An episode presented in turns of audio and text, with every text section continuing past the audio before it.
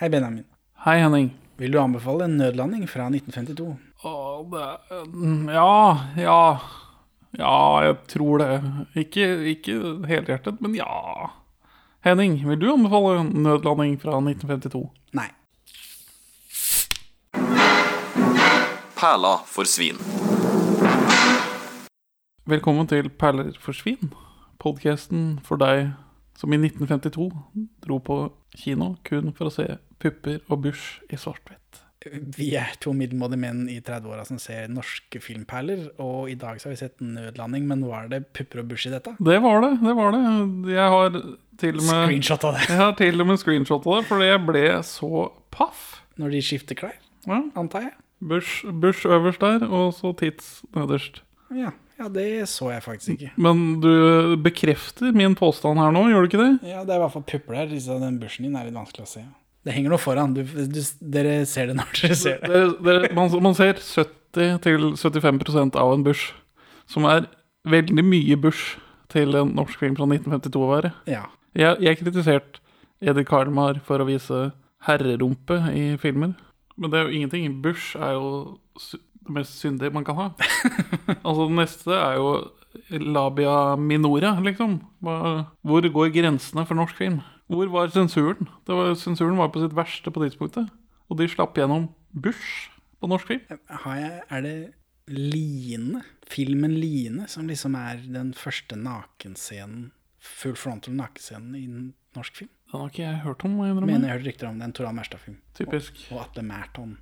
Eh, Det, jeg vet ikke, det er ikke sikkert det stemmer. Når er den fra, da? Det er på 60-tallet. Ja, men nå har vi jo har vi Ja, gjort ja, en ja. oppdagelse i norsk film. Mulig. Altså, hun er jo dekket Det er jo gjennom et garn, men det er et, det er et store masker. Ja, altså, Du har jo klart å ta skjermbilde av det. Jeg bare antok at man ikke så det. Ja, men men min Se etter all nakenhet på, du kan få i deg på film før jeg fikk internett når jeg var 13 år. Den, den treningen sitter igjen, altså. Ja, ja, ja, det, ja, det visste jeg ikke, faktisk. Eh, Jeg har sett denne filmen på eh, Filmarkivet, selvfølgelig, det er som seg hør og bør. Eh, Og der er talen er veldig lav, og musikken er veldig høy. Så det- det var litt sånn vanskelig å sjonglere mellom på volumet på TV-en hele tiden. Så det er ikke alltid jeg hører hva de sier. Det var et problem på YouTube-versjonen også. Ja. Og så um, med med at nå er vi hjemme hos meg i det studioet vi pleier å ha, men jeg driver og flytter, så det er helt tomt på veggene. Så i sommer, hvis det er litt ekstra klang, så er det av det. Denne filmen 'Nødlanding' er starten på eh, Perle for svins, eh, eh, Arne Skouen og Elling sommer. Så da hvor vi tar eh, Nå skal vi se Vi har sett 'Nødlanding' i dag, og så skal vi se eh, resten av Arne Skauens krigstrilogi, som heldigvis er fire filmer. Og innimellom der så skal vi se Elling-trilogien. Og dette blir jo bookenda av hver sin uh, dobbel uh, Olsmann-episode. Og det er sommeren vår. Men hvorfor er det Arne Skouen og Elling? Hva er det tema tematiske koblingen her? Eller er det er, fordi, kontrasten? det er fordi Arne Skouen har en triologi som er fire filmer, og det passa veldig fint med Elling innimellom. Det er bare Å ja, sånn, kontrasten. Så får vi det magiske tallet syv til slutt. Det, det er fint. Ja, eller eh, elleve, da, hvis du vil legge på de Olsenmann-filmene som bookendere. Det er fordi Elling har folk hørt om, og disse Arne Skouen-filmene er det ingen som bryr seg om. Og da passer det fint å ha annenhver. Ingen andre enn meg. Jeg vil faktisk se de. Ja, jeg, jeg noe nå bitt av basillen. Så nødlanding. Hvor mange så denne filmen på kino? Det er litt sånn usikre tall, men vi har et cirka-tall. 350 000. 800 000. Dæven døtte.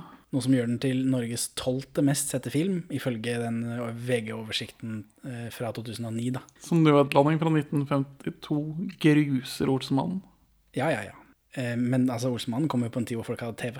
Ja. Men siden det er tolvteplassen, så betyr det at den, den deler tolvteplassen med Max Manus. Jaggu. Og det er det jeg har om, bakom den, fordi dette er ditt prosjekt. Ja, jeg har gått i researchboksen. Filmen kom med noen påstander uh, straight out of the gate, som man sier. Ja, for den åpning, det åpner med en åpningstekst, og det ser ut som Henki Kosta står og leser den teksten, men han står bare foran et gjerde eller noe sånt. Ja. Eller et garn, eller det er noen masker.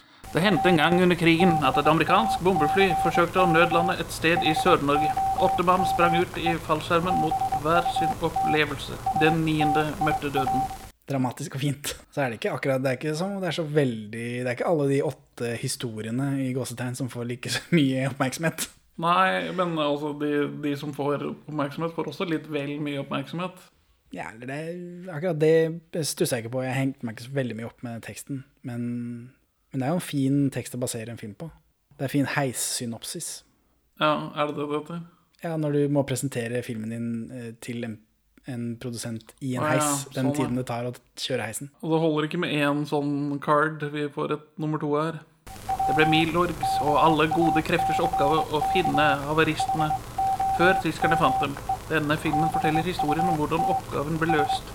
Hendelsene er fritt gjengitt etter beretningene fra deltakere i aksjonen. Ja, det er, dette, det er derfor jeg har med deg i podkasten her, da.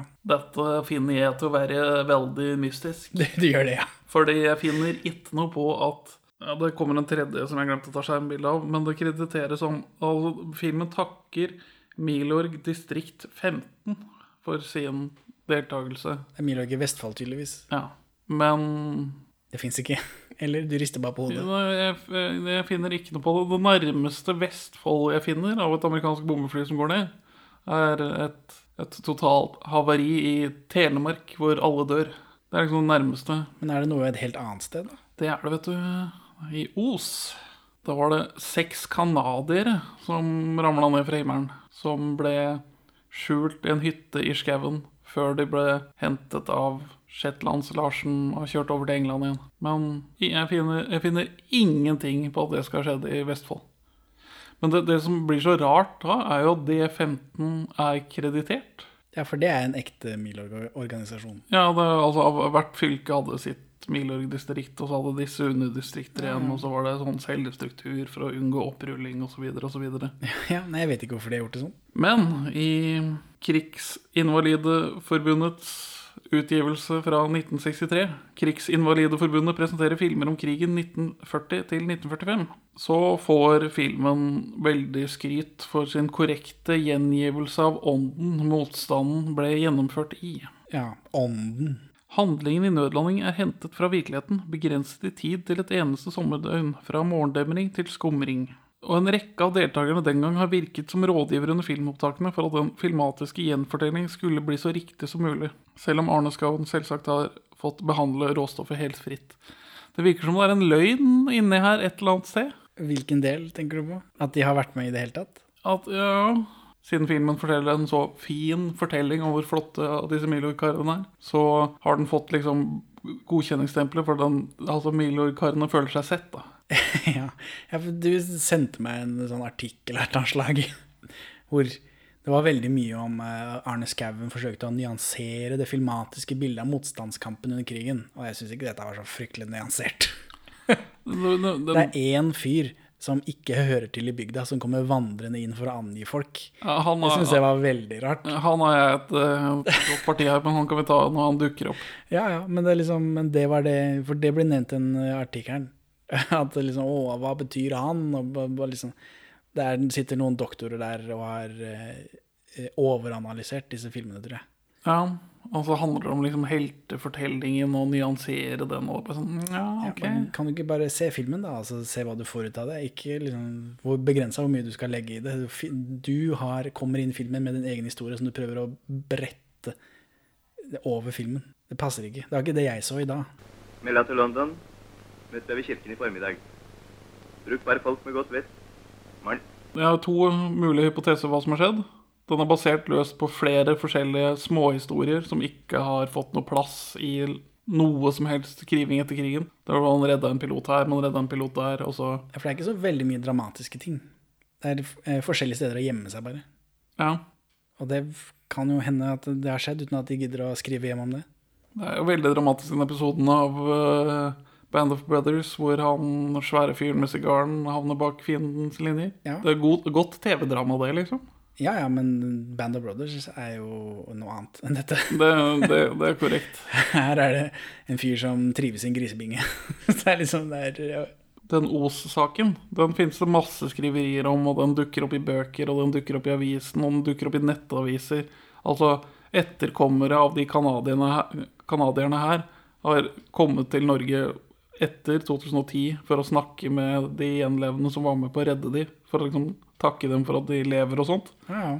Mens den i Vestfold finnes det ikke noe av. Nei, men kan vi ikke bare slå fast her og nå at ikke det skjedde, da? At denne filmen er basert på løgner.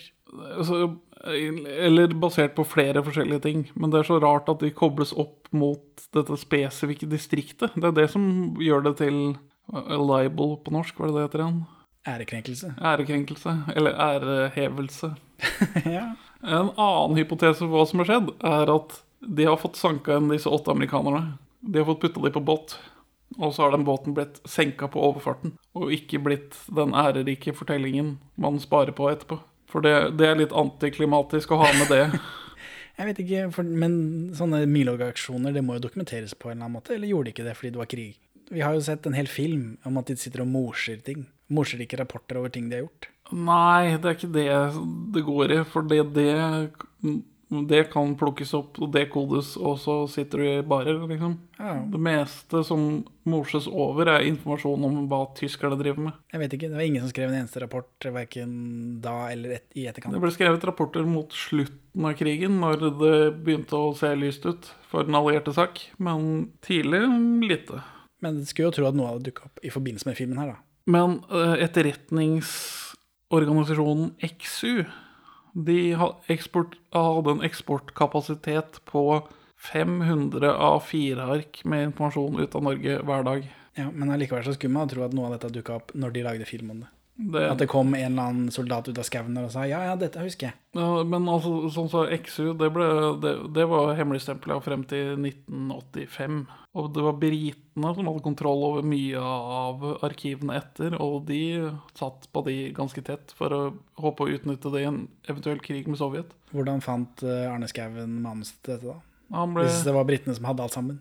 filmen er etter en idé av manusforfatter. Så jeg tror han har snakket med noen, men jeg mistenker at det som har falt gjennom sprekkene her, er at det gikk ikke så bra med hele aksjonen. Å samle det ut og eksportere det gikk bra, tipper jeg. Men at det ikke fikk en lykkelig slutt. Ja, skal ha med deg Yankees til Sverige, skipper. Å, jøss. Dynamitten ene vei, Yankees den andre. Mange er det? Tja, vet ikke riktig. Ligger og roter rundt i landskapet her, vel. Eh, det åpner med en spesialeffekt, da. Det er jo ikke verst. Fly som styrter og greier. Ja, og, de, de viser oss bare korte klipp. Ja, fordi. Arne Skouen skjønner at dette her er ikke bra nok til at folk kan se det. Nei, så det, det, det er godt gjort. Og, men altså, hva er det dette motstandsdistriktet driver med? Altså, for Hans er helten vår. Ja, Henke Kolstad. Milorg i person. Eh, Sammen med masse andre folk, da, men ja. Det er jo en lege her som har mye å gjøre. Ja, men det er Det er jo han som er hovedrollen, som man kan kalle det. og Han ser ild på himmelen mens han står og laster sprengstoff fra en fiskeskøyte over på land. Ja, ikke, er det ikke diesel de har òg? Eller bensin, mener jeg. Drivstoff. Han har en tank med drivstoff som de bruker på den lastebilen. Ja, Som, ja fordi som de snakker om på begynnelsen, at eh, dette her, bla, bla, bla. Det virker som det var kontraband. For uh, mangelen på knottgenerator er noe som forstyrrer meg veldig i den Men det er noen som driver og fyrer noe greier på en bil der også. Ja, det, det skjer én gang. Men Ja. ellers er det lite knottgenerator ute og går. Ja, men de har jo en lastebil med Hele den åpningsgreiene her sånn var jo i forbindelse med drivstoff. Ja, for han går rundt med en sånn Hans er gartner og går rundt med en sånn vanntank som fylt med Ja, med, Som han ikke bruker som en sånn flammekaster for å grille nazister, sånn som Leonardo DiCaprio. Nei. Det er jaggu den mest brannfarlige gartneren jeg har vært ute for. Lukter ikke bensin, vel? Ikke så mye det gjør nå. I voiceover så snakker Henke Kåstad om at soldatene de gjemmer seg i høystakker og på jorder og sånn. Soldatene detter ned, gjemmer seg. Det er en som detter litt hardere ned enn de andre. Han er død. Henke sykler selvfølgelig på oppdrag. Han har fått dette redningsoppdraget, da. Det er en, en som dauer, en som blir grovt forbrent, og så er det en som knekker et bein. Og... Henki sykler av gårde. Han kommer til den døde, døde soldaten på veien, og enn så lenge så er det ikke noe musikk. Det er liksom, liksom neorealisme, heter det så fint. Ja, og Popis etter Sykkeltyvene og det greiene der. Italiensk neorealisme har kommet seg til Norge.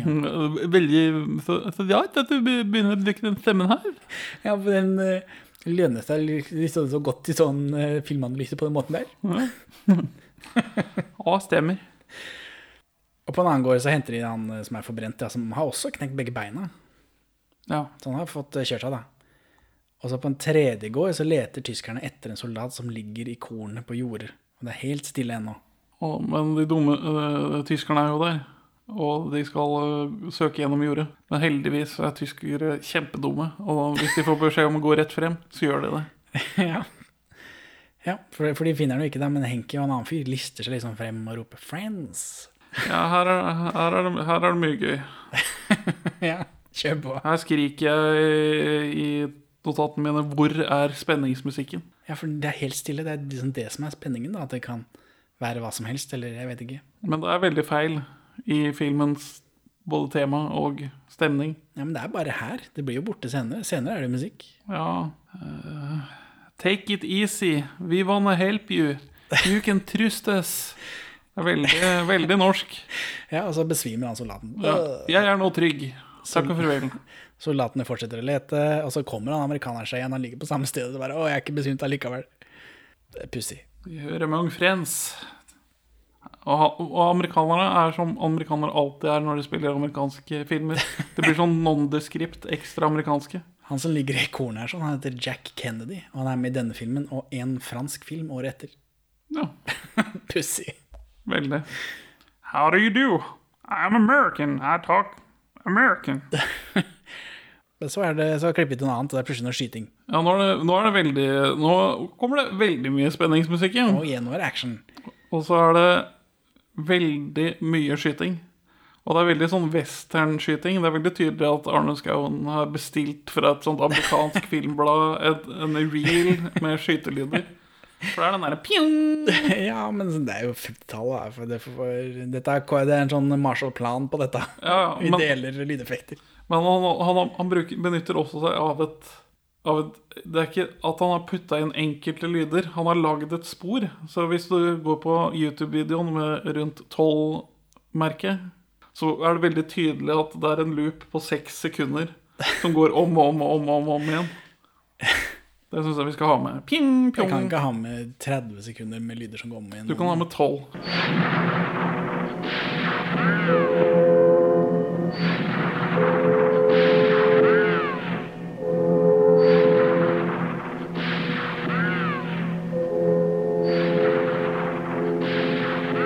Det er iallfall ikke noe Wilhelm-skrik her, da, i motsetning til Kongens nei.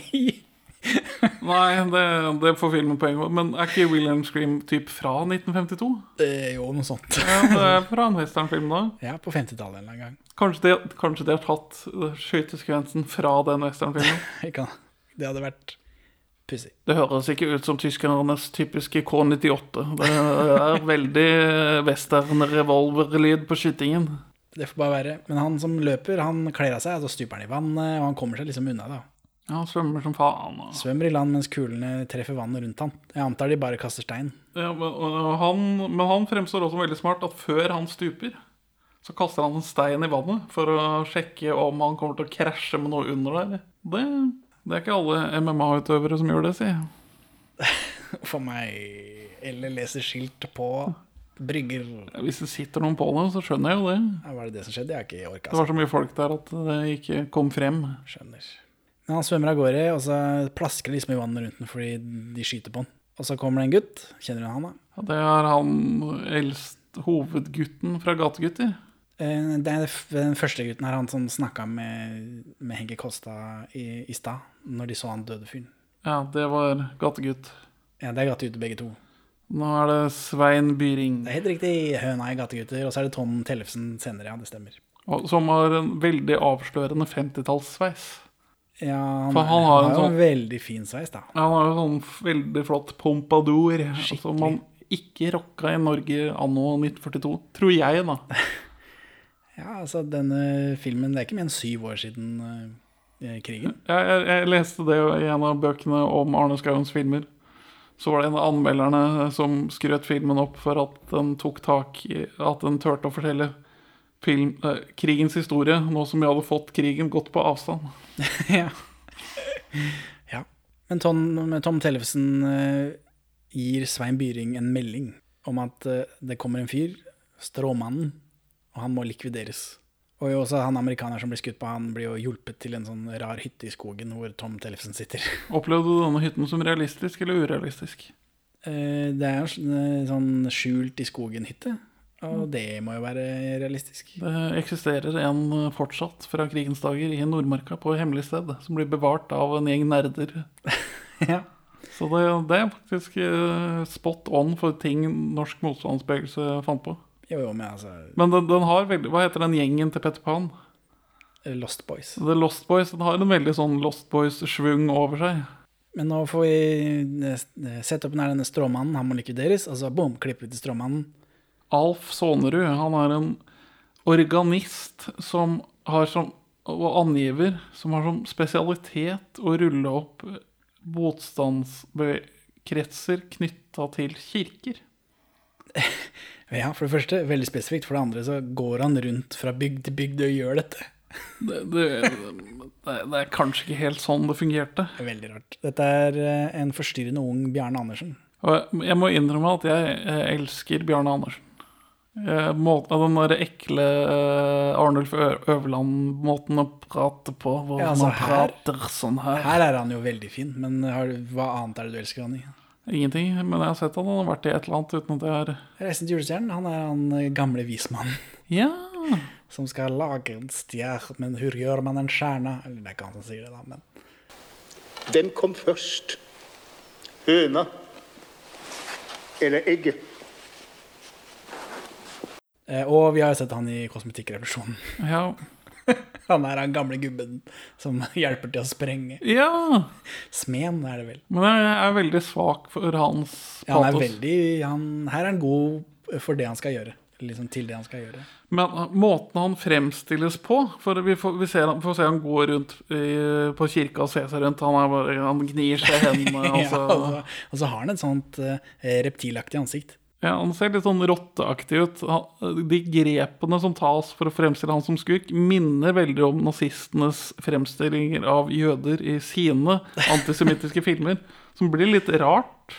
Hvor i all verdens rike kommer du fra? Jeg kom bare for å høre på deg. jeg.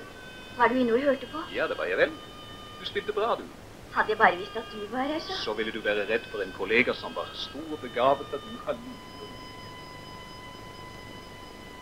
Vi får se denne rotteaktige angiveren, og så går han rundt på kirkegården. Og så kommer han over kirketjeneren, og da, da ser vi dem snakke til hverandre. Liksom, vi ser dem fra siden, og da står uh, rottemannen, han står i skyggen.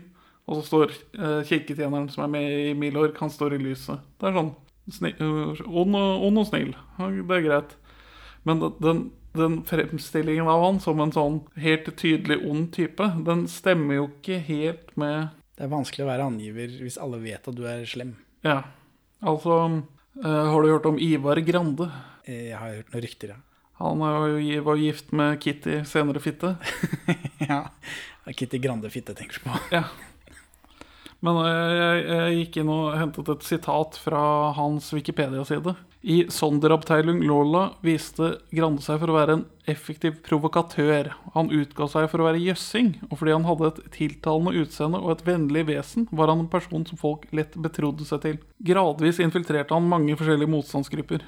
Altså, det, det, det er sånn en angiver ser ut. Han skal virke som at han er en av Milorg-folka, liksom. Det, det går ikke å ha han som en sånn helt tydelig skurk. Det, det blir et polarisert bilde av krigens virkelighet som er litt flaut når det bare er sju år siden.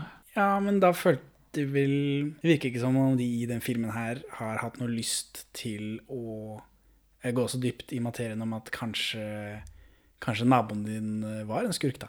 Eller kanskje Ja. han du liker så godt, eh, var en skurk.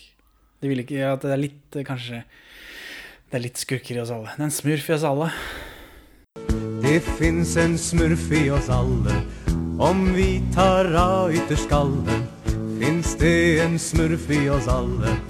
Ikke sant?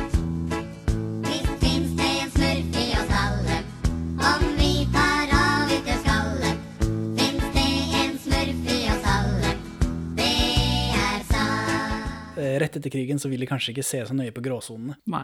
som alle har eh, liksom hatt en finger med i. Tenker jeg, uten at jeg var der eller kan noe om det. Men Henki og han andre fyren får den amerikaneren fra eh, For Jack Kennedy får den amerikaneren fra jordet opp i kirketårnet med mye om og men, mens kirketreneren driver og roter rundt det nede.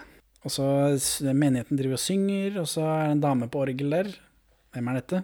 Eh, Kirstin hva- Nei, hva hun heter i filmen, det vet jeg ikke. Det er Randi Kolstad.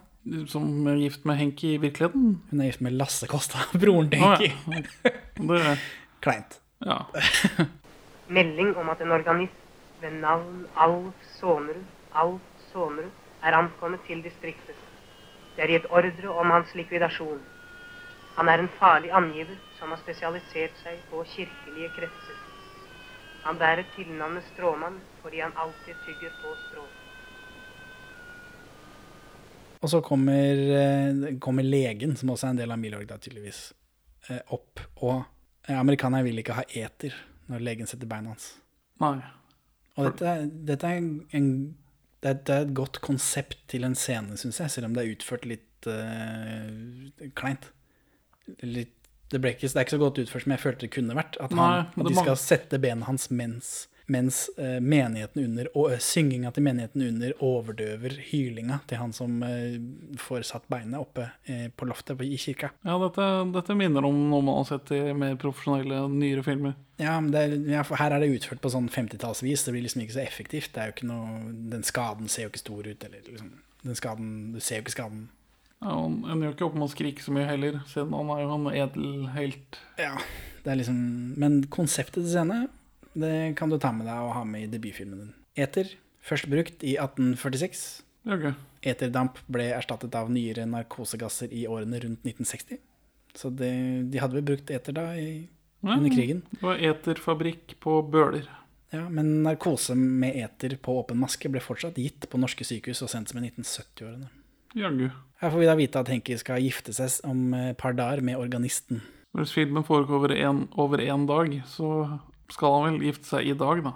Ja, altså at filmen foregår over én dag, det har ikke jeg fått med meg. Nei, nei, her er det mye som skjer. Det står, det står flere steder, men det virker til å være to-tre dager. Henke har tatt fallskjermen til amerikanerne for å lage putetrekk og kjoler og laken og alt mulig, egentlig. Det er utrolig mye stoff i en sånn fallskjerm. Som, som man gjorde. Ja, det har vi du snakka om før, tror jeg. Det er korrekt. Joakim Holst Jensen. Han spiller presten. Ja. Morsom fyr. Ja, han, men, men da, da kommer vi inn på en ting som er rar. Det er Rumpe-Anders i fant. Det er Rumpe-Anders? Nei, jeg vet ikke om det er- det er han som padler opp til Alfred Maurstad og advarer om at, at søstera hans er ute etter ham. Ja. Men øh, han, han presten er jo veldig morsom. Ja, ja, altså Men det, det, det, det er en rar komponent ved den filmen her, og det er at det er mye humor. De vil vel at folk skal se filmen, da. Ja, men det er jo et ganske alvorstungt tema, da. Jo, men det er jo bare han som er morsom, stort sett. Nei, ja. Stråmannen er ikke så gøyal. Og så er det Mm. noen av disse amerikanerne som er veldig American-tullete, da. Ja, men sånn som men når han Henki Kolstad sier fra om at han har tæsja uh, fallskjermen hans, så sier piloten «Å, synd at jeg I'm sorry I didn't remember your, uh, we uh, your wedding gift when I dropped out of the sky.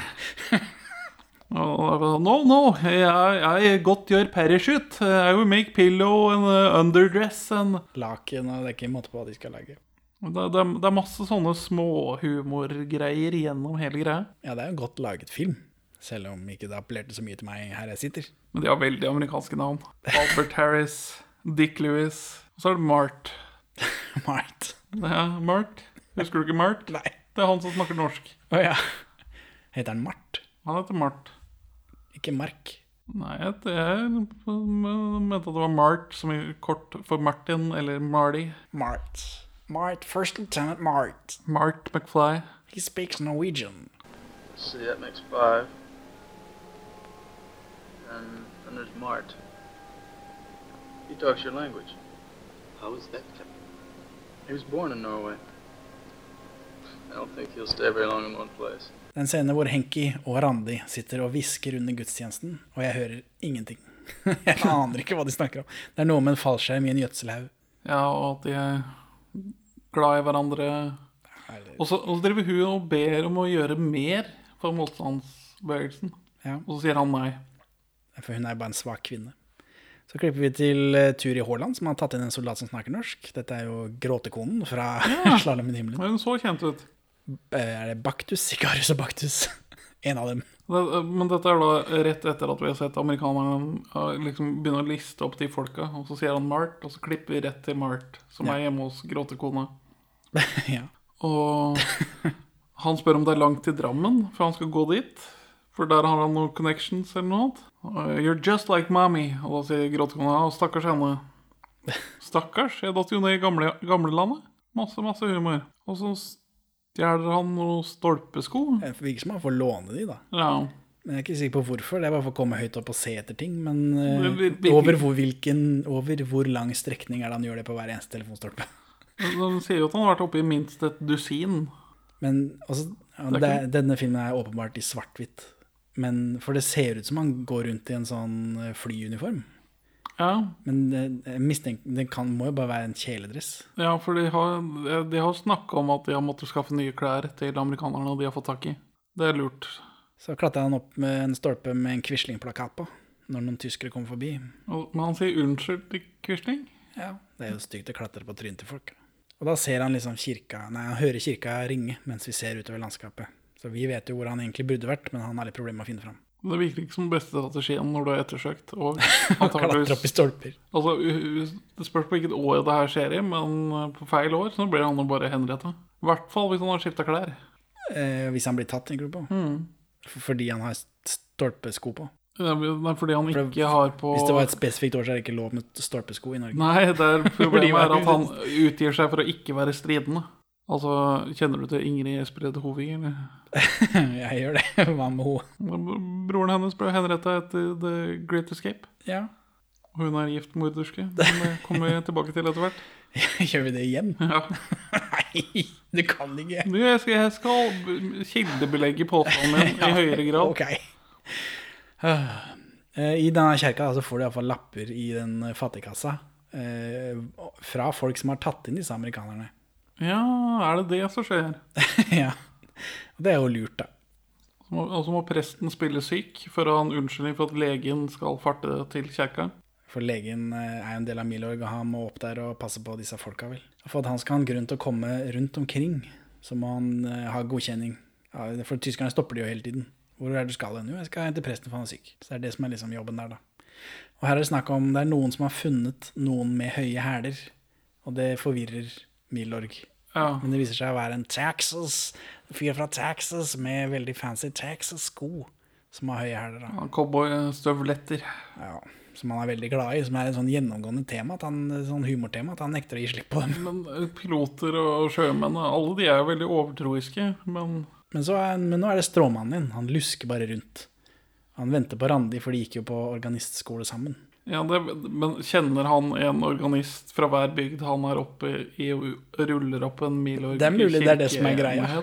Og det er liksom det han bruker som en inn, siden han er spesialist på kirke. For det gir jo mening, på en måte. At liksom, hvor stort er et kull med organister? da? 20 personer? Da har du 20 kirker plutselig. Ja, ja. Så, men han lusker rundt, han står oppå en grav, og oppi der så er det en amerikaner som ikke vi har sett komme seg nedi dit. Så det var litt sånn forvirrende. Ja, og så, og så står han oppå der veldig lenge, og så får vi liksom vite det. Det er en spennende shot, men litt rart fortalt. Tilbake til tegnebordet, Arne.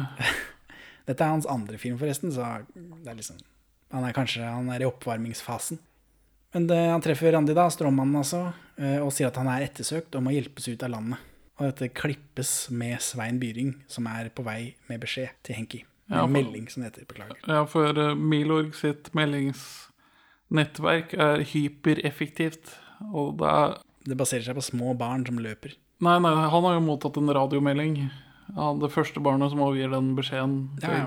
Men så beskjeden er at det er kommet en angiver. Vi har et spesifikt navn på han. Vi har en beskrivelse, vi har kallenavn. Rart han har overlevd så lenge. Og han er dømt til døden. ja. Det, det, det, det er et spennende ordvalg for en av filmkrigens gråsoner. For jeg, jeg har lest mye om det i det siste, og det, det er omdiskutert. Og det har vært to verk som har handlet, handlet om Milorgs likvideringer. Eller et tredje, da, men hun er en gal, et gal, en gal nazist av to. Hun er et NS-barn som mener at Milorg var de slemme, og foreldrene hennes var de snille. Marte Michelet. Nei. Men i hvert fall, eh, de ble ikke dømt til døden per se, men det var et godkjenningssystem før noen ble tatt av dage. Det er to stykker i et rom da, som high fiver, regner jeg med. Noe sånt. Godkjent. Men uh, Milorg likviderte, og folk får psykisk sykdom. Operational Security. Spennende, de der snabelskøytene. Svein Byring er uteløper, og det klippes sammen med stråmannen som eh, sier han trenger hjelp. Så da skjønner vi at liksom, å shit, du må forte deg, Svein Byring. Og så klippes det også til Henki Kolstad som kommer hjem til gråtekona. Eh, for han leter etter den amerikaneren, da. Og så må han bare gå igjen. For han er jo ikke der. Han, han stolpeamerikaneren er ute og klatrer i stolper. Ja, og han gubben hans har prøvd å få han ned, men han ville ikke høre. ja, det er veldig Også, det er litt sånn pussig, egentlig. Og så får jo gråtekona masse kjeft. Dette er en feilaktig fremstilling av kvinners bidrag til, til motstandskampen, bare så det er sagt. Men eh, denne filmen her passer inn i den patriotiske grunnfortellingen som et- ble etablert om krigen. Og med en gang krigen var over, så begynte gjenoppbyggingen av landet. Og da egnet det seg ikke lenger at kvinner hadde fått roller de typisk ikke hadde hatt i det gamle samfunnet. Aha. Så selv om de hadde ledet store Milorg-avdelinger under herredekknavn, sånn at ingen visste det før liksom, frigjøringen kom. Flere av dem hadde levd dobbeltliv og risikert livet hver dag og blitt utsatt for masse tortur. Så var de ikke invitert til å liksom, møte til oppstilling foran kongen når han kom, fordi nå skulle kvinnene tilbake på kjøkkenet. Der de hører hjemme. Og det at denne De var ikke i burene sine. gråtekona får så grundig med kjeft fra gubben sin, det bygger opp under dette bildet som disse mannssjåvinistiske motstandsmennene ville bygge. Uff a meg. Shots fired, gubbejævler. Det er én av dere igjen. ja, du, du, du kan ta alle sammen med en hånd på ryggen. Det vet du. Fordi I hvert fall nå, ikke fordi da. han er 97 år. En ting til. Hadde dere kvinnfolk i flyet? What? Dere hadde med en med høye hæler, jo. That's Don. He's from Texas. Å, Texas på tå hev. Henki finner han eh, ståpeamerikaneren, og han kaller skoene for snabelskøyter. Det er jo morsomt. Og så sender han ståpeamerikaneren bort til kirka. Så viser det at han med høye hæler, han er fra Texas, ja. Med disse rare skoa. Og Henki sier 'Texas på tå og hev'. Men det vet jeg ikke helt hva det betyr. Nei. Eh, Og han Texas-fyren blir henta i et fjøs, og der er det en søt jente også. Eh, Så han vil egentlig ikke dra. Jeg tror det er både det hjemmekoselige jobbet på fjøs og søt jente, at det i tandem Jo, jo, men jeg vet jo ikke om han har vært engang, organisten din. Jo, det tror jeg da. Tror? Vi tror ikke tro, jenta mi. Nå er vi sikre, vi. Randi prøver å få Henke til å hjelpe stråmannen, da. Og det vet jo vi som ser på, at det er ikke noe lurt. Men Henke er heldigvis opptatt med alle disse amerikanerne. Han har plutselig fått eh, åtte amerikanere i fanget. Vi har ikke kapasitet uansett. Nei. Flaks. Og så er han legen, han skal ut eh, og ro, fordi det befinner seg en amerikaner et sted. Jeg fikk ikke helt med meg hvor, et- men Det kom sikkert fra en av de lappene, hvordan de visste det. På et sanatorium av noe slag. Et sted hvor folk maler og spiller gitar, jeg vet ikke. Det er kanskje de brukte, kanskje de malte for å være rolige. Men han må ha med seg en tysker, da. Fordi det er en tysker som stopper han, og liksom Og denne delen av filmen går jo på tysk, da, så det skjønner jeg ikke noe av. Ja, og, og, ja, og eh, for han ene maleren fremstilles jo som gal. Han, Han driver, ene, ja, men det er jo to han- til der. men han, han driver jo og maler moderne Altså ikke-klassisk malning. Altså Ja, men- Menneskene ser ikke ut som mennesker. Det er jo enterte-kunst, som tyskerne ville kalt det. ja, men når, når Men det når han tyskeren skremmer han, så blir han litt sånn, da blir han rar. Men etterpå så er han jo mer eller mindre i orden. Jeg tror han bare skvatt. Men han leger en land, og der sitter en dame og maler. Kjenner hun henne? Nei. Det er Anne-Kat. Vestli. Hæ? ja. What? Hvorfor det? Eh, eh, vet ikke. Anne-Kat. Vestli er tanta til Ingrid Skullerud. Kjenner hun? Nei. Kona til Jens Stoltenberg. Eh, Hun er tilfeldigvis Norges ambassadør i Brussel, rett etter at Jens Stoltenberg ble generalsekretær i Nato, og også jobber i Brussel. Tilfeldig. Dette er samme året som Anne-Kat. Vestli begynner i Barnetime for de minste, etter at hun har hatt noen år i Lørdagsbarnetimen fra 1946. Og samme året så debuterer Ole Alexander Fille Bom Bom Bom på radio, før han blir bøker året etter. Så dette er før hun er uh, forfatter. Kult. Uh, Og med unntak av en ti minutters Oslo-film fra året før, altså fra 1951, så er dette hennes uh, filmdebut. Disse Oslo-filmene som Oslo kommune lager om alt mulig ræl. Ja. Eh, I 1992 så åpner Anne-Kat. Vestli-tunet på Tusenfryd, husker du det? Nei, dette var før jeg flytta sørover. Ja, for det var eh, Anne-Kat. Vestli-tema på Tusenfryd. Eh, jeg husker jeg Hvor var den? Var det der Vikingland kom etter hvert, eller? Eh, Var det bak Westernlandsbyen? Var det der det, er nede, nedi der, ja. Det er noen sånne små Ja, for jeg, jeg, jeg, nedenfor den der øh, Den, øh, den, den karusellen man sitter i, og så går det rundt og rundt. Hva heter det igjen? Karusell. Jeg vet, jeg vet ikke. den, ikke. den mest klassiske Spin. Spider. Ja. Sverre. Nei. Huskende? Jeg husker det. Det de heter Sverre. Ja, det er det. jeg Ja, nedenfor Sverre så kan man se noen sånne små, rare rare ja. hus. Nei, det er ikke det. Det er ikke det. Nei, nei, nei. Det er helt i andre siden av parken. Hvis jeg husker riktig, nå er jeg tre. Altså der billandet er nå. Ja, Men men det jeg, er motsatt ende. jeg husker ikke. Fy faen. Jeg var tre. Fy Men jeg husker jeg, jeg var der, og jeg husker et veldig engasjerende dokketeater. For det hadde de der, med Knerten, da. Hvor liksom det er sånn Det er en skjerm, da, så sitter folk bak der, og så holder de en sånn Knerten-figur, og så har de hånda inni en sånn lillebror-dokke, eller hva det er for noe. Det husker jeg, så det drev de med. Så da satt alle barna der og så, ikke sant. Så det, sånn var det før, da. Det var det som gjorde at du ble forelsket i fortellingens kunst og endte opp som filmpodcastør. Ja, det skal du ikke se bort ifra. Men jeg husker ikke hva annet det var der, og jeg har prøvd å skrive noe til Tusenfryd, men de er jo koronastengt, og det er jo klin umulig å få tak i noen noe sted. Litt så nervøs. Skrekkelig nervøs. Det gikk bra med bildet, i hvert fall. I Lyngdalen så har de planlagt Anne-Kat. Vestlis forundringspark, som skulle åpnes i sommer, men er utsatt pga. pandemi. Typisk.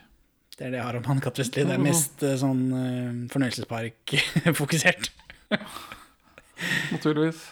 Uansett, Anne-Kat. kommer inn ja, eh, og går opp på loftet, og der sitter en amerikaner og spiller gitar og synger med damestemme, mens en annen fyr maler han. Hva er dette for noe? Jeg skjønner ikke. det, det, det, det, Jeg vet ikke. Falsett og snakker om å komme og ja, det Jeg skjønte ikke hva det var for noe. Men han legen tar iallfall med seg han amerikaneren, og han amerikaneren later som han er gal. Og han tyskeren er ikke noe spesielt glad i folk som er gale. Nei. De har jo, I Tyskland så har du en litt For i Norge så har du tydeligvis satt dem på en eller annen øy for å male, mens i Tyskland så har de en litt annen måte å håndtere folk som er eh, litt utenfor eh, det vanlige spekteret. Ja.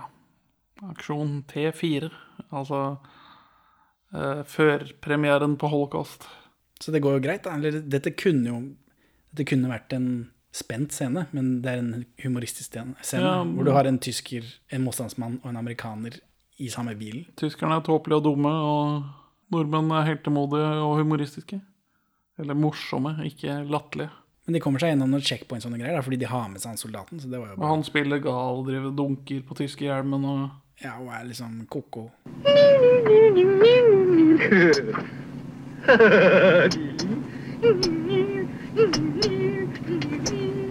Stråmannen spiller orgel, eller først så får Svein Byring tak i Henki Kåstad, da. Og så driver Stråmannen og spiller orgel hjemme hos Randi, mens han presser henne til å hjelpe han. Han er veldig skummel og ekkel. Ikke bra. Amerikaner, en, enda en amerikaner, nå er vi på tre, fire, fem, gjemmer seg i et skur på stranda. Og så her kommer det to jenter inn og skifter, her ser du pupp. Her er både pupp og Bush. Jeg har bildebevis. Det kan gjengis på Twitter hvis eh, publikum ønsker dette. Her tenker jeg, er det Porkis dette? Hva er dette for en film plutselig? Men også det, det, også det jentene snakker om. De snakker jo om at de vil hanke til seg en av disse pilotene. Og at hun ene sier at hun har tenkt å strikke selbuvotter til han. Eller hva hadde du gjort? Og så bare sier hun ja, jeg, jeg, jeg kunne tenkt meg å strikke selbuvotter til han. Og om jeg ikke husker feil, så har jeg lest om det i en uh, historiebok om at uh, i virkelig gode gamle dager så var det en del av hvordan man, hvordan, ja, hvordan man sjekket folk på 1800-tallet. At hvis du som jente ville ligge med noen, så kunne du ikke si til han 'hei, jeg vil ligge med deg'. Få se på pikken din. Men du kunne strikke et par votter til han, og så var det kode for 'jeg er åpen for noe'. Det var kode for swipe right. Ja. Eh, det har ikke jeg hørt, men, eh, men det er noen jenter, da. Henki eh, går rundt på stranda og leter, mens jentene har funnet noe ute i vannet. ja. Det viser seg å være fallskjermen, da. Men det det er spennende bruk av forgrunn og bakgrunn i den sekvensen. da. Og Henki kler av seg, og så svømmer han ut til disse jentene. Og da kommer amerikaneren ut, og så tar han, begynner han å ta klærne til Henki Kosta. Morsom sekvens. Eh, Men eh, Svein Byring stopper han da, og Byring lirer av seg noen engelske ord, for han Franklin Roosevelt, Stars and Stripes, Jew Lewis. Ja, for han kan tydeligvis ikke engelsk. Lucky strike, tror jeg han sier. Ja. Jeg tror han sier camera også. Ja, ja det hørte jeg, men tenkte mm, eh, det kan ikke være riktig. Men det var det tydeligvis, da. Så eh, Henki Kåsa får beholde klærne sine, da. Og så får- men så får jentene streng beskjed om å holde kjeft om den fallskjermen. Så sier de da rett ut at det var ikke fallskjermen vi ville ha tak i, det var flyveren. Ja, de sier det, og det er vel Det er jo fordi de vil ligge med denne flyveren, men de roter jo rundt i vannet, så det kunne jo være fordi de vil bare ha opp liket og begrave han. Ikke etter den selvdebatt-kommentaren. Det går Nei, ikke. det er sant. Ja, men jeg vet det. Jeg er bare djevelens advokat her. Nå må det være lov. Men da får jo, nå får jo Henki endelig beskjed om dette Stråmannen er farlig, han må henrettes. Neste scene, han gravamerikaneren, han som har sittet nede i hølet der, han kommer ut av hølet sitt. For, ja, for han hører han tjommien sin. For han er jo tre meter fra kirka. Eh, Og han stråmannen lusker fortsatt rundt. Flaks at han var på andre siden av kirka akkurat da. Altså, Hen- Henki Kosta og Randi Kosta kysser som om de aldri har kysset et annet menneske før. Det, det er mye hake, det er mye hodebevegelser. Det er veldig rart. Men Det er kanskje sånn det blir når man kysser med svigerinna si. Ja, det er fort det.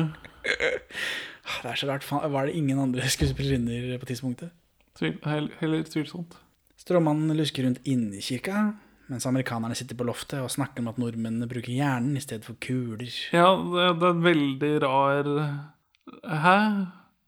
Det er sånn, det er sånn nordmenn vil at amerikanere skal snakke om oss når de kommer på besøk. Det er min tolkning. Ja. Fordi Americans de liker å skyte på folk. They have to use their brain. Uh, they have to use their brain instead of bullets uh, until their D-day comes. Henki og amerikanerne skjønner at stråmannen er i kirka, og amerikanerne vil skyte han med en gang. Så den stereotypen er jo allerede til stede i, 1952. Jeg gledet meg så til å se Henki Kolstad snike seg opp på han uh, angiveren og sette en kule i bakhuet på han mens han spilte orgel. Jeg ble dessverre meget skuffet. Når han treffer liksom den tonen, og så pang, og så blir han liggende, og så holder de bare tonen. Kjempegøy. Ja. Men det, det og den scenen hvor de setter beinet til han mens de synger under, må vi ta med oss til eh, vår regidebut. Ja, nå er jeg med. Stråmannen spiller altså orgel, og Henki drar fram denne gunneren. Sier han han går rett inn i sin egen begravelse, og så spiller han igjen sjøl. Det er beintøft. Ja, ja. Hadde de bare gjort det? Ja, det er det som blir litt skuffende. Og, og, men jeg støtter og den Jeg forstår den kvalen mot å henrette noen i en kirke. Jeg skjønner hvordan det bryter med visse normer man har ganske hardt innbakt i seg. Ja, men så gjør de det allikevel, da. Eller ikke, de skyter han jo- de skyter han ikke, men han blir jo drept i kirka da. Blir han drept? Vi kommer til det når vi kommer til det. Eh, Henki tvinger Randi til å ta med stråmannen ut i skogen. For Henki vil ikke blåse huet han i kirka, som sagt. Og Henki holder hodet hennes i hendene mens han holder pistolen også, så han sikter på hodet hennes på et tidspunkt uten å mene det. ja, det var litt rart. Det er litt sånn eh, pipeføringa på Milorg her. eh, Var det sånn det var? Du som har studert det? Det, det, det var ikke alltid jeg hadde mulighet til å ha så mye skytetrening. da. Nei, Man men- kunne jo tørrtrene litt på Ikke peke på forloveden sin. Ikke legge pistolen inntil tinningen til forloveden sin. Altså, jeg, har gjort det et par ganger, jeg også. Det er aldri med vilje, men etter hvert. Det var jo han, norsk-amerikansk TV-skuespiller på 80-tallet som John Hexum. Ja, Ja, Jon Hexum. Jon Heksum. Som skjøt seg selv i hodet med blanks. Dum, For moro skyld. dum taktikk for store og små. Veldig dumt. For mens den ikke har nok eh, krutt til å penetrere skallen din, så har den nok krutt til å riste løs en bit av kranet ditt på innsiden og sende det på en sånn ping, ping, ping, ping, virvar frem og tilbake innad i hjernen. Ja, og så er det jo noe som holder det kruttet på plass inni patronen. Ja, Det også må jo ut. Og treffe deg i huet da, når du, har det, når du holder det til tinningen. Det, det, det går ikke bra. Take it easy. Friend. Hey. Again? Franklin Roosevelt. Stars and Stripes. Joe Louis. You see? Hey, you. Cameron Lucky Strike. See you. Does he want to help me? Jeg har vært med på tøffere saker enn dette i dag. Randi lurer på om det er Henki som skal komme etter dem og ta stråmannen, og han vil ikke svare. Hvorfor ikke det? Han vil vel at det skal være ambiguøst, da. Altså Schrødingers likvidering. Men så skjer det noe som ikke jeg forstår i det hele tatt, fordi Randi og Stråmann går opp kirketrappa istedenfor. Ja, Opp i tårnet. Svein Byring stikker hodet inn i bunnen, og da drar Stråmann en pistol og løper oppover. Som ikke virker noe lurt. Nei, men jeg skjønner ikke hvorfor For det første, eh, Randi sier vi må ut i skogen, du skal, vi skal få deg bort. Og så går de ikke ut i skogen, de går opp trappa til loftet. Ja, Og så det mangler det en scene her. ja, Stråmann ser en liten gutt i bunnen av trappa, som ikke han har sett før. Trekker pistol og løper opp trappa. Ja, men skjønner vel at hvis det er en pjokk som henger her, så kan det, altså som erfaren angiver og provokatør, så skjønner han at her, her foregår det et eller annet. Altså hans spesialitet er motgangs, motstandskretser organisert rundt kirker. Ja, og han sier også noe her som ikke jeg forstår. Jeg prøvde å spore tilbake, det hjalp ingenting. Så det, Kanskje han forklarer det med det han sier, men jeg aner ikke hva det er for noe. Altså, men Henki bare ganske enkelt og greit avvæpne stråmannen og tar han til fange. Det var ikke så vanskelig. Null, null kamp. Ikke noe. Ingenting. Nei. Og her vil ikke Henki skyte ham fordi tyskerne kan høre han? Spørsmålstegn. Jeg tror det. Det og i kirkeklent. Men han knebler han ikke på noe vis. Nei. Det er bare at du må sitte her og holde kjeft, for ellers går det dårlig for deg. Altså, Henki har en pille i skjorta. Ja. Cyanid. Mest sannsynlig, ja. Eller en sånn drepe seg selv-pille. Og legen eh, har jo kommet inn til kjerka der da, og eh, undersøker presten, som faker at han er syk. Og legen blir jo stadig forfulgt av tyskere, fordi han drar jo rundt overalt, så de vil liksom passe på han. Men tyskerne blir lei av den der dumme, sjuke presten, så de bare går. Og det er det de vil. Ja, men han, presten spiller det nydelig. Han er jo, altså, Joakim Holst Jensen er morsom. Henke og amerikanerne står oppe på eh, kirkeloftet der og er bekymra for hva de skal gjøre med stråmannen. For nå har de jo fanga han, på en måte. Ja, de, Og så har de dytta han inn i et videre rom oppe på loftet der, som har en sånn fin litt sånn dør inn. Det blir en eller annen sånn symboleffekt. At man må liksom bøye hodet for å gå inn til hvor han skal nyte sine siste, sin siste tid her på jorden. Og her kommer legen inn med gift. Hva var greia med den pilla til Henke Kosta? Han satt og vurderte om han skulle stappe den i kjeften på han og klemme igjen. Men det, men da, det, er, det er jo det samme som å skyte noen. Å gjøre det med makt, tenker du på? Ja. Men å gjøre det med trusler, det er annerledes. For det er er det som skjer. Ja. Spoiler. Ja, spoiler. Stopp podkasten her hvis du vil vite hva som skjer med Når jeg leste beskrivelsen på dette, så, eller leste disse andre greiene om Arne Skouen, så står det at de dypper eh, dette strået i gift, og at stråmannen tar det i munnen. Ja. Og det Men- gjør han jo. Men da reagerer han på smaken. Han skjønner at her er det muffens gjerde. For det er jo en av amerikanerne, som, eller Mart, norsk-amerikaneren, som finner på dette ideen. Den, altså, så slipper noen å henrette han Ja, i men- kirka. Ja, det, det er det. Jeg fikk inntrykk av at de, at de skulle lure han. Det, Det gjør de jo litt, han- men han, han tar det i munnen, kjenner smaken, tar det ut selvfølgelig, for her er det noe grusomheter. Han skjønner hva som skjer. Så ser han på denne amerikaneren, og istedenfor da å bli skutt i hodet, som hadde vært alternativ, så spiser han hele gresset. Så jeg føler jo ikke at det er noe forskjell. Ja, og, og De truer han. hvilket giftstoff er det her? Og Ja, ja men det er, det er filmgiftstoff. Ja, ja, ja, men det er bare Altså Når man har krigen så nært på kroppen som i 1952, så er det mange som bare Unnskyld meg, dette er ikke sånn vi gjorde det med angivere under krigen. Norges tolvte mest sette film på kino. Så da dør jo han stråmannen, og det gikk jo unna. Men ikke glem, han er jo dømt til døden tross alt. Det sier de i hvert fall to ganger i løpet av filmen. Ja, men altså, jeg skjønte ikke Jeg kunne ikke bare skutt den, da. Resultatet er det samme, om du tvinger han til å spise gift. Ja, det, det er jo det samme, men han gjør det selv. da Han blir gitt anledning til å ta selvmord under press. Begå selvmord. Eh, jeg lar meg ikke lure. Hvis han hadde kasta bort et strå, da, da hadde de bare skutt den i hodet. Det er ikke et valg. Nei, jeg er enig, men de hadde, er likevel prøvd å, å vaske hendene til Milorg og amerikanerne. Ja, men det er derfor jeg trodde at de lurte han til å gjøre det, og så var det ferdig. At han tok det i munnen og så 'Å nei, å, det er gift, jeg dør'. Ikke 'Å nei, det er gift, jeg vil ikke dø'. OK, ikke skyt meg. Det er kanskje her det kommer inn, da, disse skyggesidene som eh, Arne tar opp. Fordi det, det, det vis, vi, vises som problematisk å ta livet av noen, selv om det er en slemming og at han er dømt i gåsetegn. Det er bare så vidt. Det syns jeg er lite de tar opp det. Men klart det er syv år siden krigen, og det er kanskje litt tidlig. Vi får se når vi jobber oss videre i denne trilogien på fire filmer. For eh, Kalde spor, den aller siste filmen, jeg gleder meg. Jeg har hørt så mye bra. Jeg håper det er bra. Eh, jeg, jeg håper det er bra, hvis ikke så blir jeg skuffa. You know, I, I think I found out something about these guys.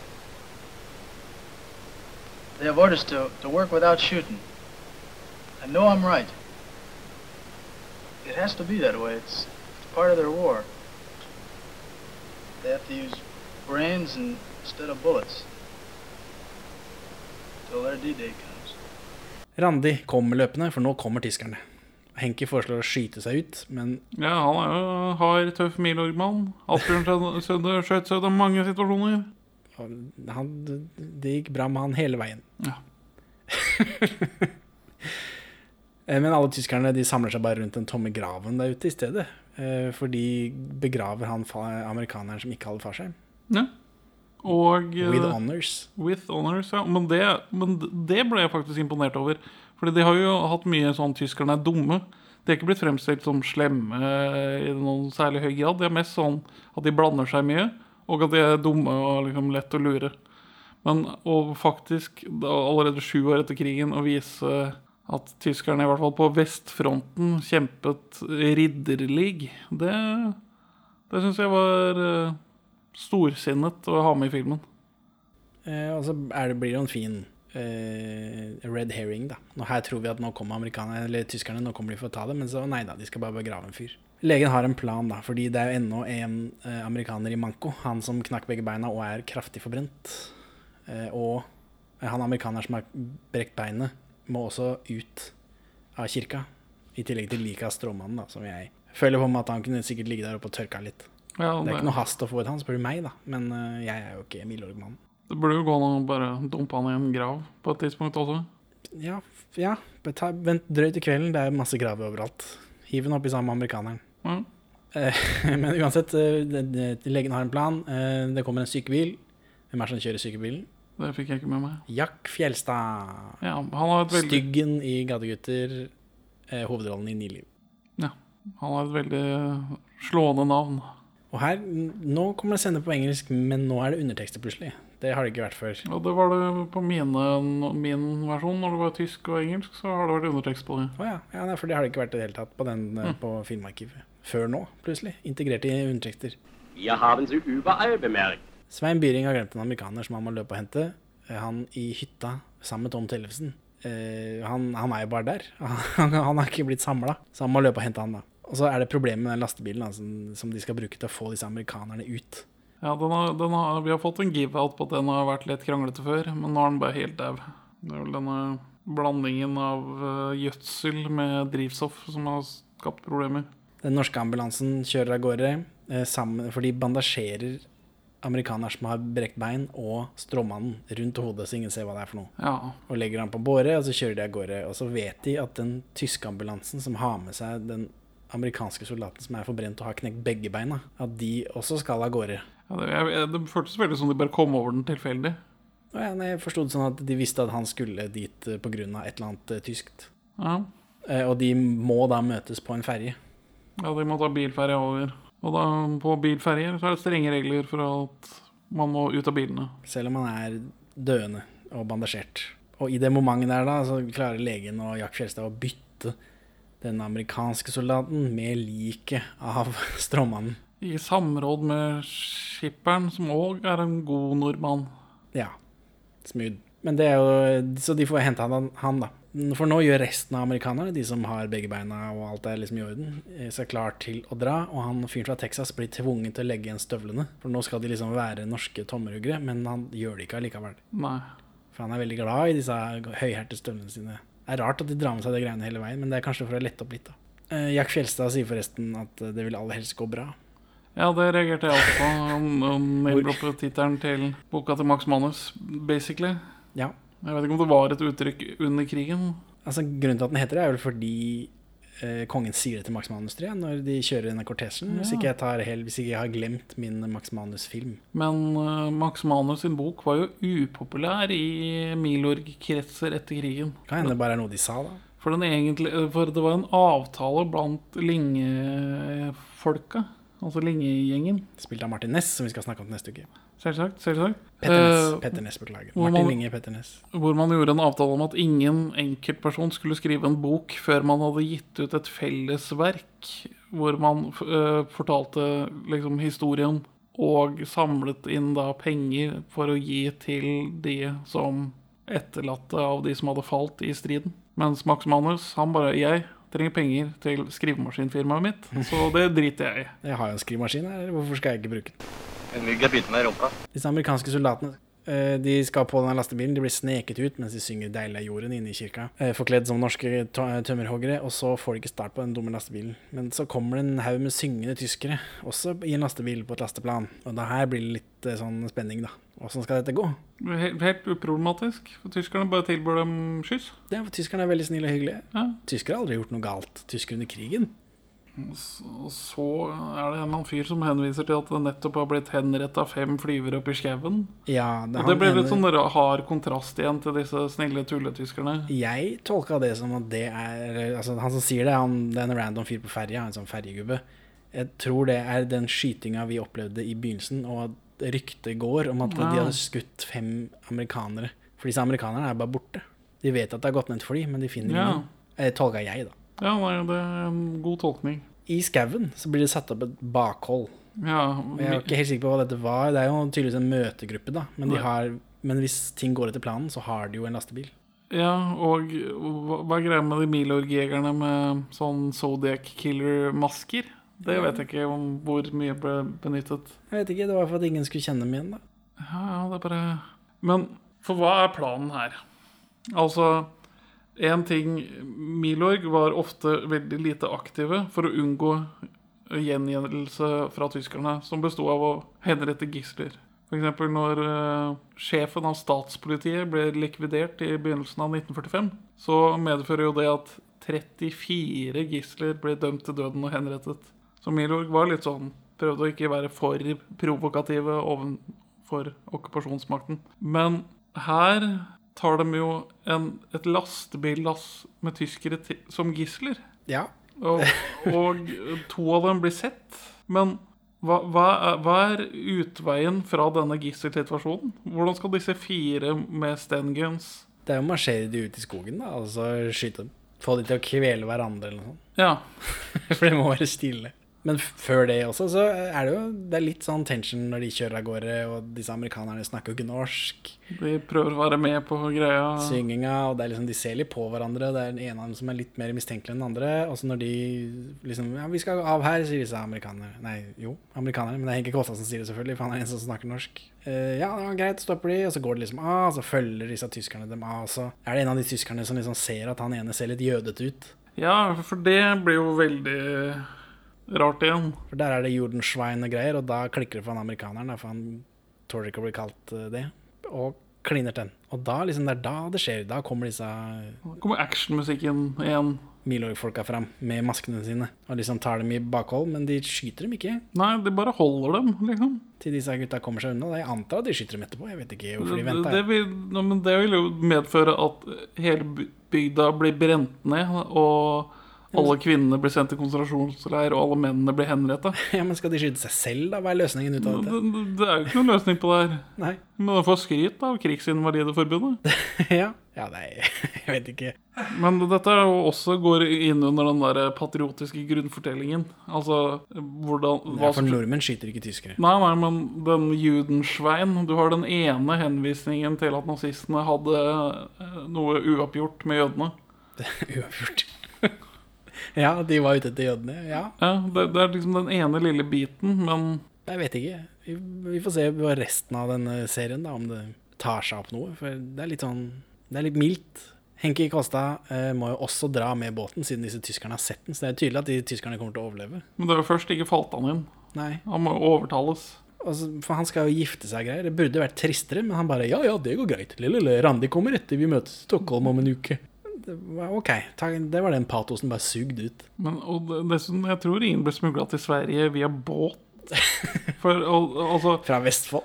Ja, Én ting er å dra til Dra over sjøen. Da kan du forsvinne i havets enormhet. Men når du tar en sånn liten sånn kystjolle gjennom kontrollerte, minelagte farvann Det var Jeg vet ikke om de dro var til England, og så derfra til Sverige, og så over til Norge. Eller Det er ikke sikkert han skulle tilbake til Norge engang. Eh, Men uansett så var det rart. Her hadde de mulighet til patos, men de bare hopper glatt over det for at ikke folk skal bli for ivrige. Og så ringer kirkeklokkene samtidig som båten kjører inn i solen. Ferdig. Ja.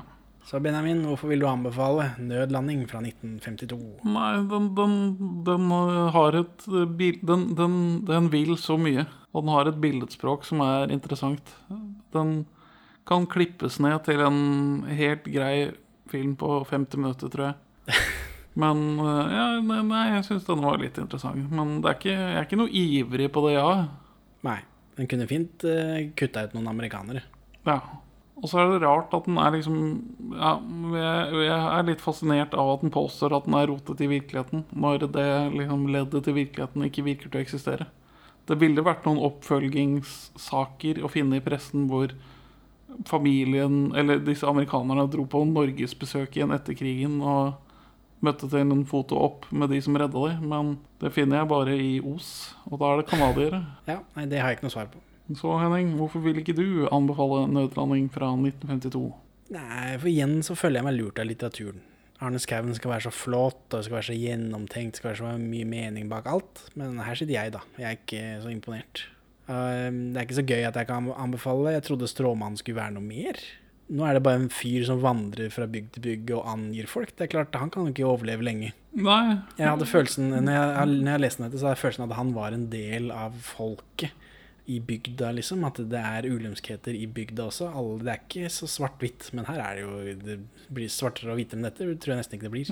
Ja, du, du, har, du har det helt hvitt, og så har du en sånn liten sånn svart prikk, og så står det pil, skurk, ja, her, til den. Her er den.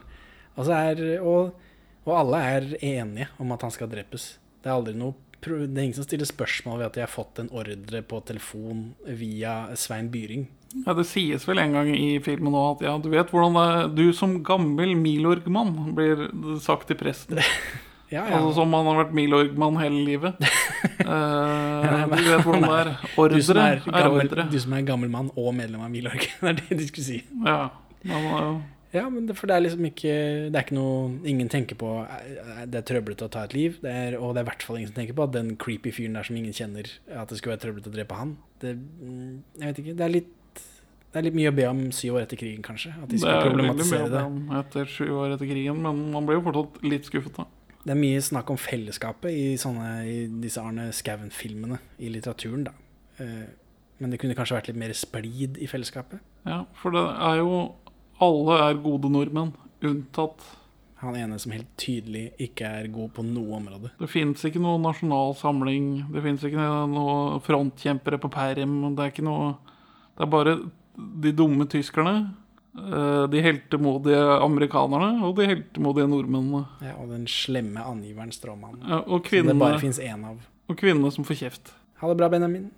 Ha det bra, Henning. Takk for at du hører på Perler for svin. Du finner oss først og fremst på perleforsvin.no, men også på Twitter under perler-for-svin, Facebook som perleforsvinpod, eller du kan maile oss på perleforsvinpod at gmail.com. Gi oss gjerne en eh, rating i din lokale podcast-avspiller, og, og legg igjen en beskrivelse, så folk skjønner hva det er for noe tull vi egentlig driver med. Her er ukas Pål Bang-Hansen-sitat ute av kontekst. Etter hvert så blir det kanskje litt mye sentimentalitet. Puffed up with pride said, Sure did make a lovely lift. Now that I am your love and Jaså, kommer du for å ta fram modellen min, da? Never stop in the middle of an act. No, please go on. Vent litt nå. Now that I am your Nei, love han er and sprøyt i gang. Now that I am your love and wife, I'll make you comfy all your life. So that leads us to sing this tune and dance your dance. So that leads us to sing this tune while they go off on their honeymoon. So long, so long. Leonardo DiCaprio. Ja. Hvilken film er det han griller nazister i? I um, Titanic. Once Upon a Time in Hollywood. Brad Pitt. Nei, Hollywood, ja. ja ok, ja, men Er det nazister, det, da? Nei, i, i en av B-filmene han har spilt i, Ah, så står han Film i film, ja, men det kan ikke jeg forholde meg til. Beklager. Quentin Tarantino er ikke så bra. jeg sa det, jeg sa det, jeg mener det. Jeg står for det. Han er glad i føtter, da. Og det er han. Veldig. Skitne føtter òg.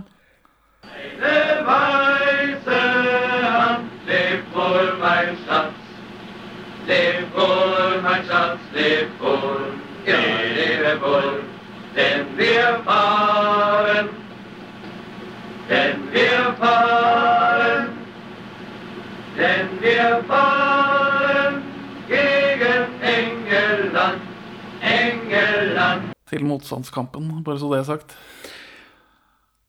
Jeg skal slå deg i trynet. Meg? Ja, du gjespa fordi du så om det var kjedelig. Jeg gjespa fordi jeg, jeg måtte gjespe. Å ja, da er det greit. Da skal jeg ikke slå deg i trynet. Da zum Klingen, denn es muss, es muss geschehen sein.